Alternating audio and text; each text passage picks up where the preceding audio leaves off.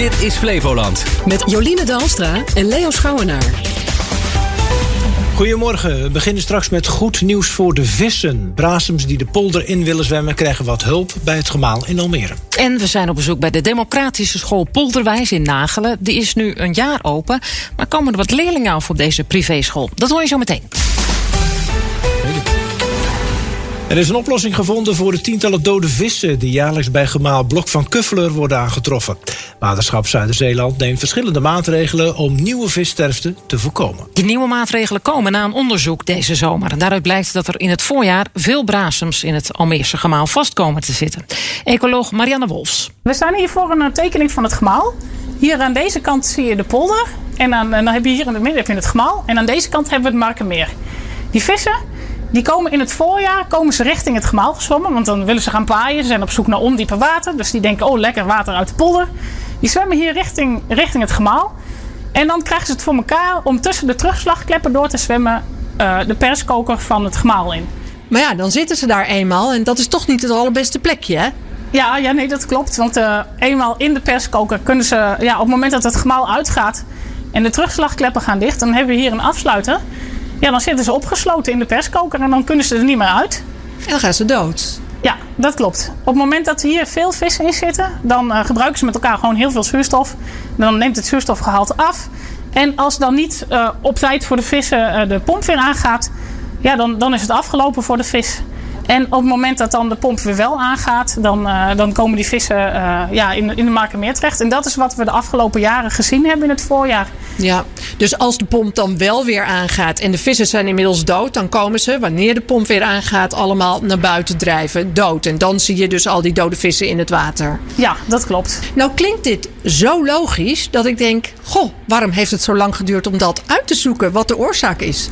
Nou, in eerste instantie werd gedacht dat de vissen al buiten het gemaal doodgingen.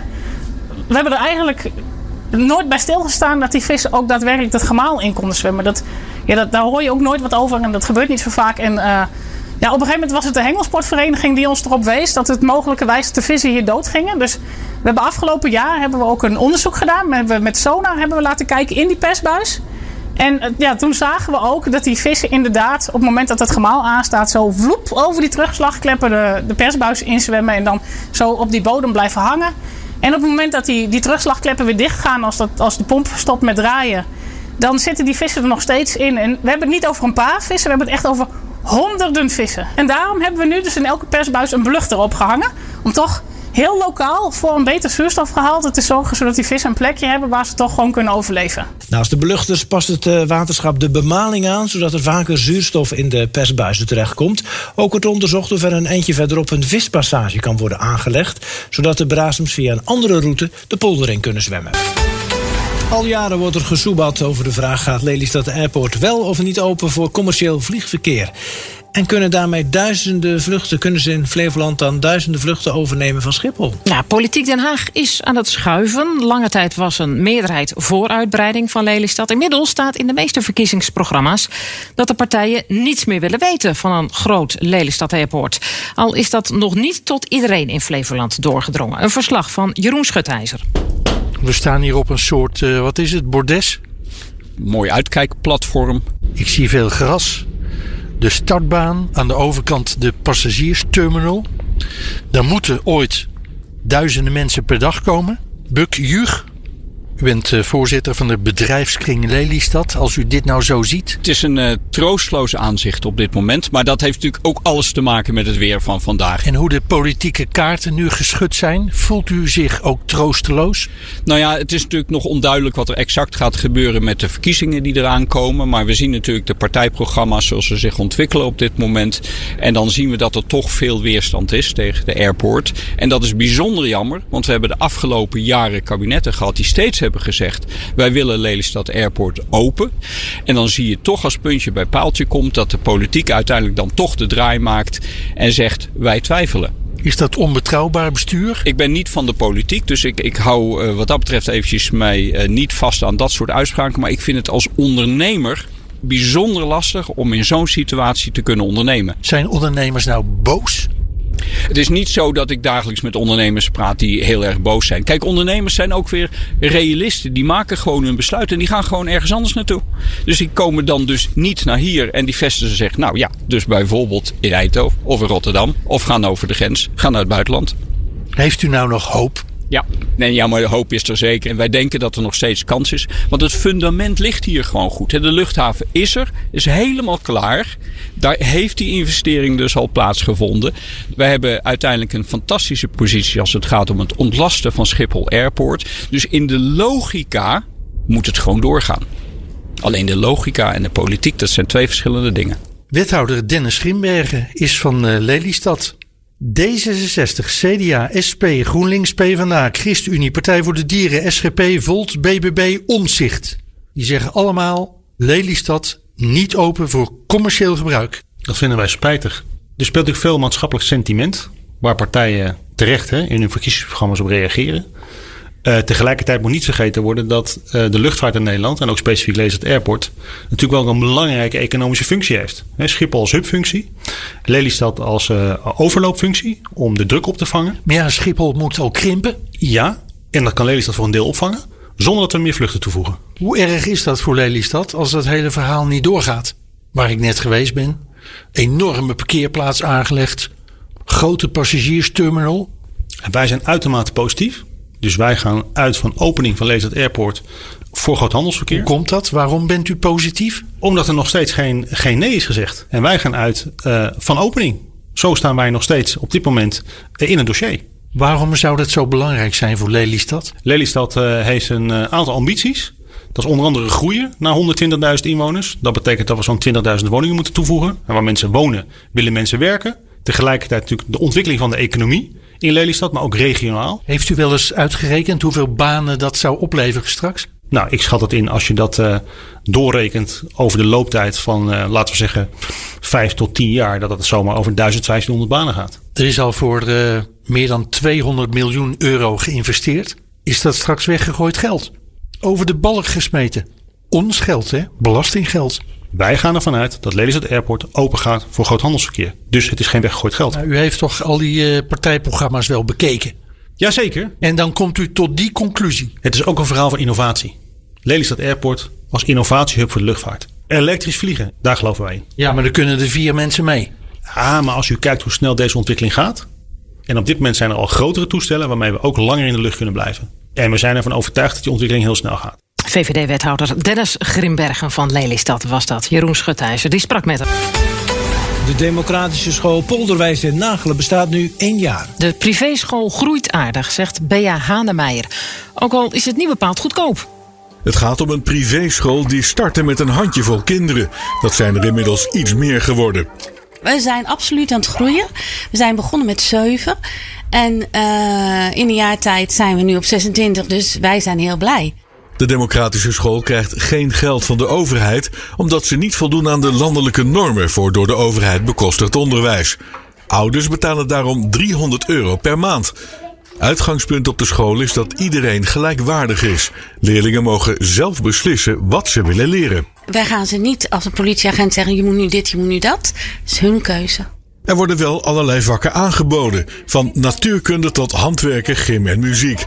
Maar kinderen beslissen zelf wat ze wel en niet willen doen. Om lekker te gaan knutselen vind ik wel leuk en spelletjes te doen. Heel creatief ben ik namelijk ook. Basisschoolleerling Sarah maakt de overstap naar de democratische school omdat ze haar huidige school niet fijn vindt. Want um, bij mijn school heb ik nu altijd hoofdpijn zoals ik uit school kom. Nou, je moet allemaal dingen en, um, en daar word ik helemaal gek van. Dus um, daarom gingen mijn vader en moeder gingen een idee verzinnen dat ik, um, dat ik wel naar een, dat ik het wel leuker zou vinden. En dat is hier gelukt? Ja, zeker.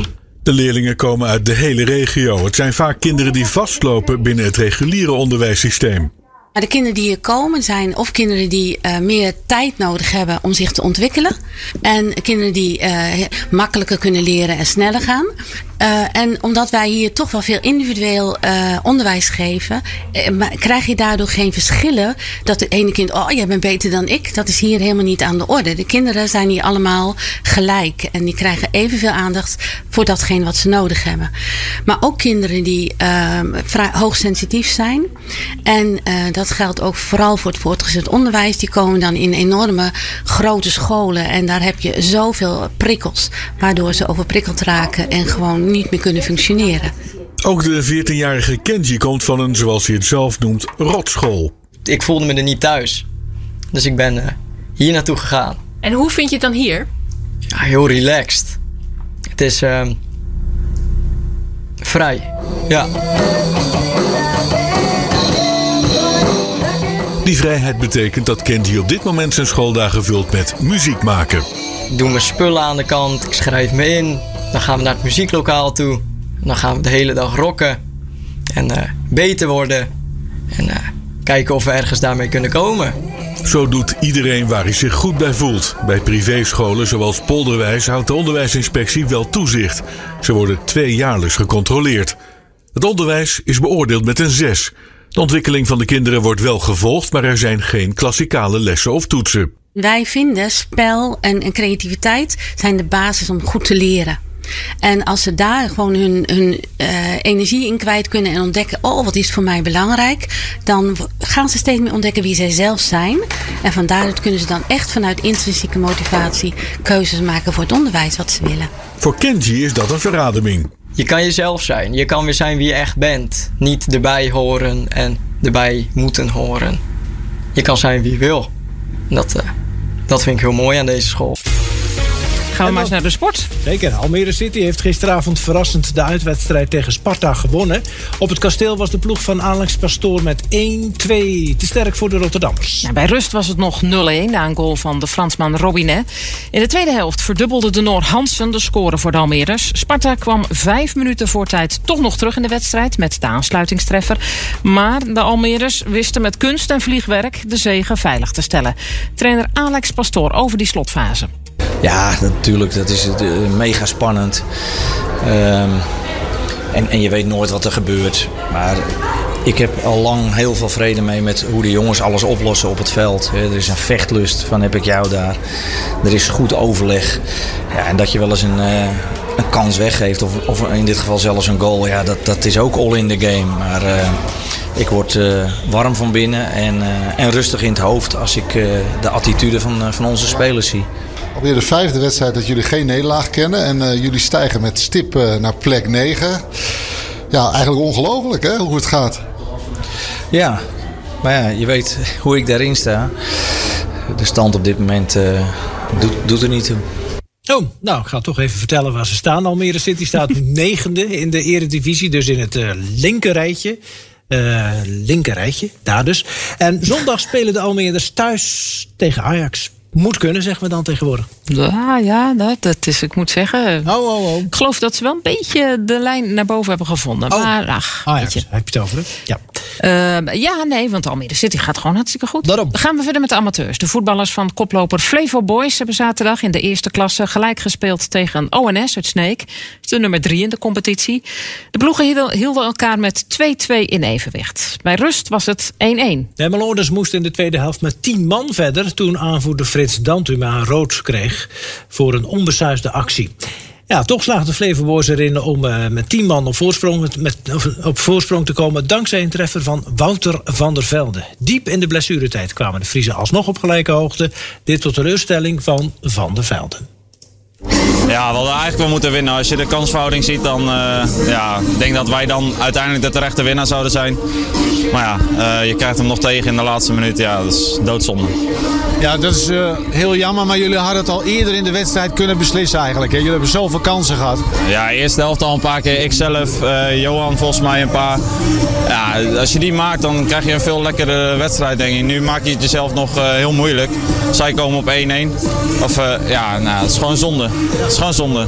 Maar Flevoboys blijft koploper. De ploeg gaat zaterdag in Steenwijk op bezoek bij Dol de Veste, de nummer 5 van de competitie. En dat was de sport. Vandaag wordt de eerste aflevering uitgezonden van een nieuwe science fiction serie voor jongeren. En de titel is Outer Space. Die is speciaal gemaakt voor YouTube en helemaal opgenomen in Flevoland. Bij de Stille Kern in het Horsterwold in Zeewolde zijn in de zomer opnames gemaakt voor de YouTube-serie Outer Space voor ZEP van de VPRO. Het verhaal gaat eigenlijk ook een beetje over dat er een alien komt en wij zoeken het uit en zo. Heel veel actie. De serie is bedoeld voor kinderen vanaf 8 jaar en werd eerder gemaakt voor het social media platform TikTok. Daar viel het op en NPO Zep was zo gecharmeerd dat de landelijke jeugdzender het verhaal wilde maken voor zijn eigen online YouTube kanaal. De bedenkers van de serie zijn daar heel erg blij mee. Vind ik fantastisch. Ja, we hebben voor TikTok hebben we 23 afleveringen opgenomen van 40 seconden. En nu gaan we 16 afleveringen opnemen van 10 minuten. En dan heb je natuurlijk heel veel tijd en ruimte om het verhaal uit te breiden. Dus dat is waanzinnig. De science fiction serie gaat over een neergestort ruimteschip. Een alien meisje en de 14-jarige Lucas die met behulp van zijn beste vriend alles probeert op te lossen. Het verhaal speelt zich helemaal af in Flevoland. En dat is niet toevallig. Nou, Flevoland is de jongste provincie en het verhaal gaat over een ruimteschip wat verborgen ligt onder de provincie. En niemand weet dat behalve een aantal mensen, eh, BZ onder andere in het verhaal. En daarom was Flevoland de ideale locatie, want het is als laatste erbij gekomen. En die hebben de, de provincie eigenlijk gecreëerd om het ruimteschip een beetje te verbergen. Flevolanders gaan dan ook heel veel plekken herkennen. Zo is er gedraaid in Almere, Biddinghuizen en hier in Zeewolde. Hier wordt een hele spannende achtervolging opgenomen. Uh, de drie hoofdpersonen die hebben hier, één van hen heeft afgesproken met zijn vader. En dan komt hij hier en dan is BZ hier, buitenaardse zaken. En die pakken hun op. Dus dan komt hij uiteindelijk nooit bij zijn vader aan. Voor de jonge acteurs was Flevoland nog niet zo bekend. Eerst was ik echt maar twee of drie keer naar Flevoland geweest. Maar nu zijn we naar meerdere steden geweest en zo in Flevoland. Dus het is wel ziek. Het is wel vet. Ook over de opnamedagen zijn ze enthousiast. Het is soms pittig, maar vooral leuk. Uh, alles, het gezelligheid. Want je bent met heel veel mensen, dat is altijd heel leuk. En uh, het spelen is ook heel leuk. Ja, want wat is er moeilijk aan? Uh, nou, soms heb je een actiescène en dan moet dat steeds overnieuw. Dus moet je steeds weer ja, rennen en sluipen. En, Vandaag is de eerste aflevering van de serie te zien op YouTube. Een gek idee wel om daar dan zichzelf te zien, vindt de hoofdrolspeler. Ja, het lijkt me heel raar, maar het lijkt me ook wel leuk op zich. En denk je dat kinderen jou dan gaan uh, herkennen? Hm, ik hoop het. En dan de berichten van buiten Flevoland. De lijsttrekkers van de VVD, GroenLinks, PvdA en NSC zijn gisteravond in Amsterdam voor het eerst met z'n drieën op televisie met elkaar in debat gegaan. Tot nu toe ging het vooral over de overeenkomsten en minder over, minder over de verschillen. Een van de thema's waar Pieter Omzicht en Frans Timmermans anders over denken is het verhogen van het minimumloon. Laten we beginnen met het minimumloon meteen naar 16 euro te trekken. In Nederland zijn de lasten te hoog. Dus ik kies echt veel harder voor de verlaging van de lasten. 16 euro is een reëel bedrag. Dat is 60% van het mediale loon in Nederland. Doe een beetje voorzichtig, zou ik wel zeggen. Omdat het en belangrijk is dat mensen beter kunnen rondkomen. En belangrijk is dat ze die baan kunnen houden en NKB'ers er niet uh, totaal onderdoor. Max Verstappen heeft voor de zeventiende keer dit seizoen een Grand Prix gewonnen in de Formule 1. Op het circuit in Sao Paulo pakte hij het record van het hoogste winstpercentage ooit in de Formule 1. Het vorige record stond op naam van Alberto Ascari. Die won in 1952 zes van de acht races. Reden voor het Braziliaanse publiek om Verstappen toe te zingen.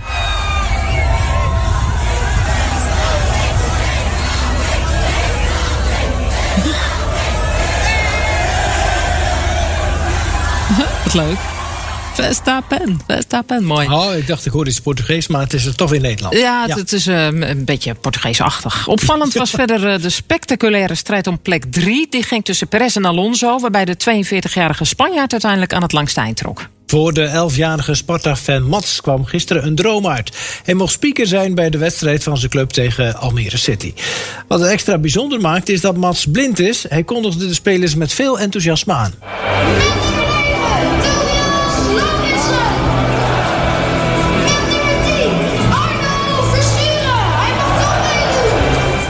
Ik, uh, ik vond het zelf ook heel erg goed. Uh, het was wel dat ik wat foutjes maakte tegen Almere City. Maar papa zei dat ze ook allemaal moeilijke namen hadden. Dus dat het helemaal niet zo erg was. Ja, maar ze konden wel beter voetballen, de mannen van City. Want die wonnen met 1-2. Hij deed wel hartstikke leuk, ja. ja. In een woonzorgcentrum in het centrum van Rotterdam is wateroverlast door een lekkage. Volgens de veiligheidsregio zijpelt het water door het gebouw. Het gaat om een woonzorgcentrum. Er wonen zeker eh, 160 mensen die minder valide zijn. Er is kans op stroomuitval. En je kunt je voorstellen dat deze mensen, sommige mensen hebben zuurstof nodig, sommige mensen kunnen niet lopen. En bij stroomuitval vallen ook de liften uit. Dus wat ga je dan doen als er zorg nodig is voor die mensen? Daarom hebben we met de, met de hulpdiensten opgeschaald, zodat we op het moment dat het nodig zou moeten zijn om, om de mensen te evacueren en te verplaatsen, dat wij ze kunnen helpen. Ja, Met een rubberbootje door het gebouw? Nee, zo erg is het nog niet. Tot nu toe zijn de kamers van de 160 bewoners gelukkig droog. En die anderen zijn badkamers geworden. Ja. Zwartrijders en amokmakers in het openbaar vervoer zijn vaak al bekend bij politie en justitie, schrijft de Telegraaf vandaag. Van de personen die in de trein of bus door conducteurs, stewards of BOA-personeel werden aangehouden, staat de helft al geregistreerd in de politiedata voor een eerder gepleegd delict. Dat blijkt volgens de Telegraaf uit onderzoek van de VU in Amsterdam. Die eh, deed onderzoek naar daderprofielen in opdracht van de Arriva en de politie van Oost-Nederland. Kun je vandaag dus lezen in de krant. Ja, dus misschien eh, is wat vaker eh, in, eh, in, de boeken die gegevens kijken. Ja, daarom. En dingen met elkaar combineren. Ja, dat waren ze, de berichten van Buiten Flevoland. Goedemorgen, dit is Flevoland met Jolien en Leo.